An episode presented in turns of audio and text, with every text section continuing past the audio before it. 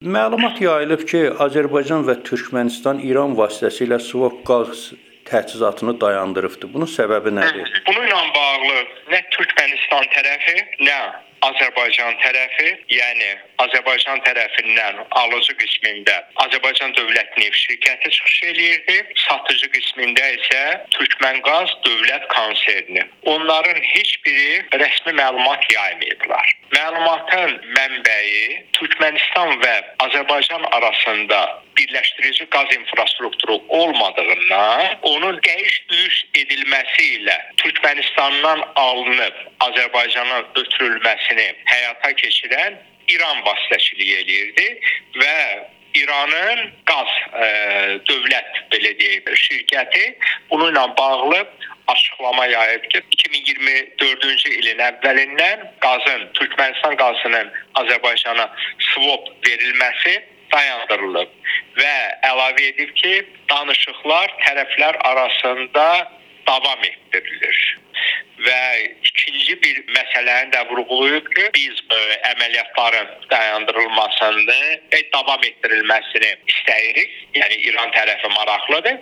Çünki buna görə valyuta şəklində deyil, öz əməliyyatlarımız üçün bu iki ölkə arasında qazın alqı-satqısını təmin etmək üçün natural şəkildə qaz alırdı ki, o da İranın şimal bölgələrində ehtiyac üçün bir hissəsini ödəməyə sərf olunur.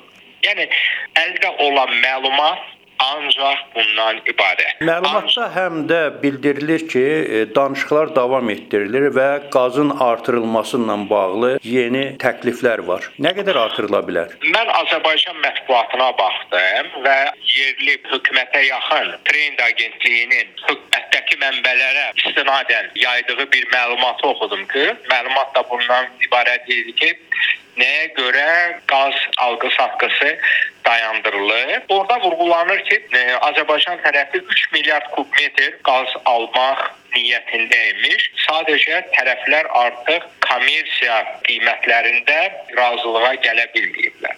Ancaq ikinci bir tərəfdən bu mənə e, sözün düzü inandırıcı görünmür. Nəyə görə? Çünki qazın alınması üçün o qazı qəbul etmək üçün infrastruktur lazımdır. Azərbaycanla İran arasında qazın alqı-satqısını həyata keçirmək üçün iki kəmər mövcuddur. Bunun biri Astara Binənd, hansı ki Sovet dövründən hələ tikilmişdi. Sonra Azərbaycan tərəfi Astarada e, kompressor stansiyasını modernizə etdi və gücünü artırdı.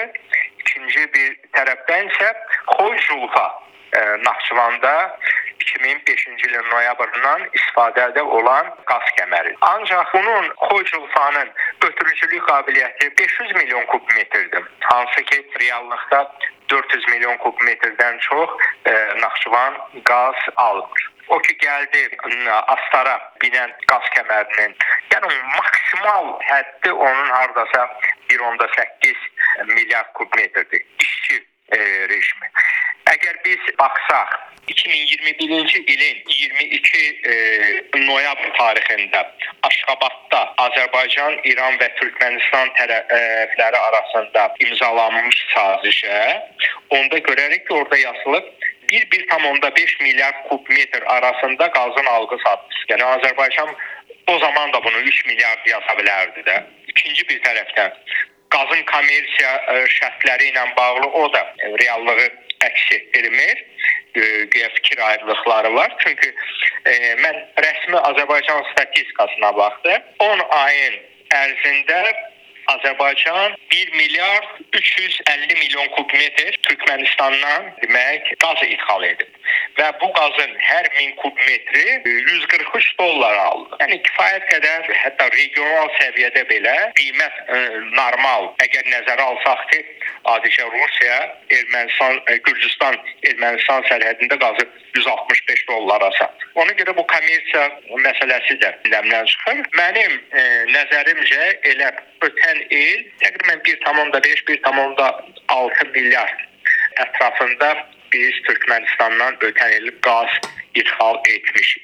Başqa bir tərəfdən də mümkündür ki, ümumiyyətlə həqiqətən Türkmenistanla qaz alqı-satqısı həyata keçirilməyəcək və yaxud da ki, ancaq Naxçıvanın ehtiyaclarını ödəmək üçün həcmdə keçirilə bilər. Niyə? Axı 2024-cü ildə 2 dəfə qaz həcmləri Abşeron yatağından Azərbaycanın daxili bazarına verilməsi üçün artırılacaq. Bunun özü elə 1.5 milyard kub metr hətta hökumətin e, cari il üçün proqnozunda göstərilib. Ondan sonra cari il üçün bir neçə yüz milyon kub metr ümid yatağından Azərbaycanın daxili bazarı üçün qazın alınması da proqnoz edilir. Başqa bir tərəfdən 2024-cü ildə nə baş verəcək? Düzdür, bu 4-cü rübl üçün planlaşdırılıb.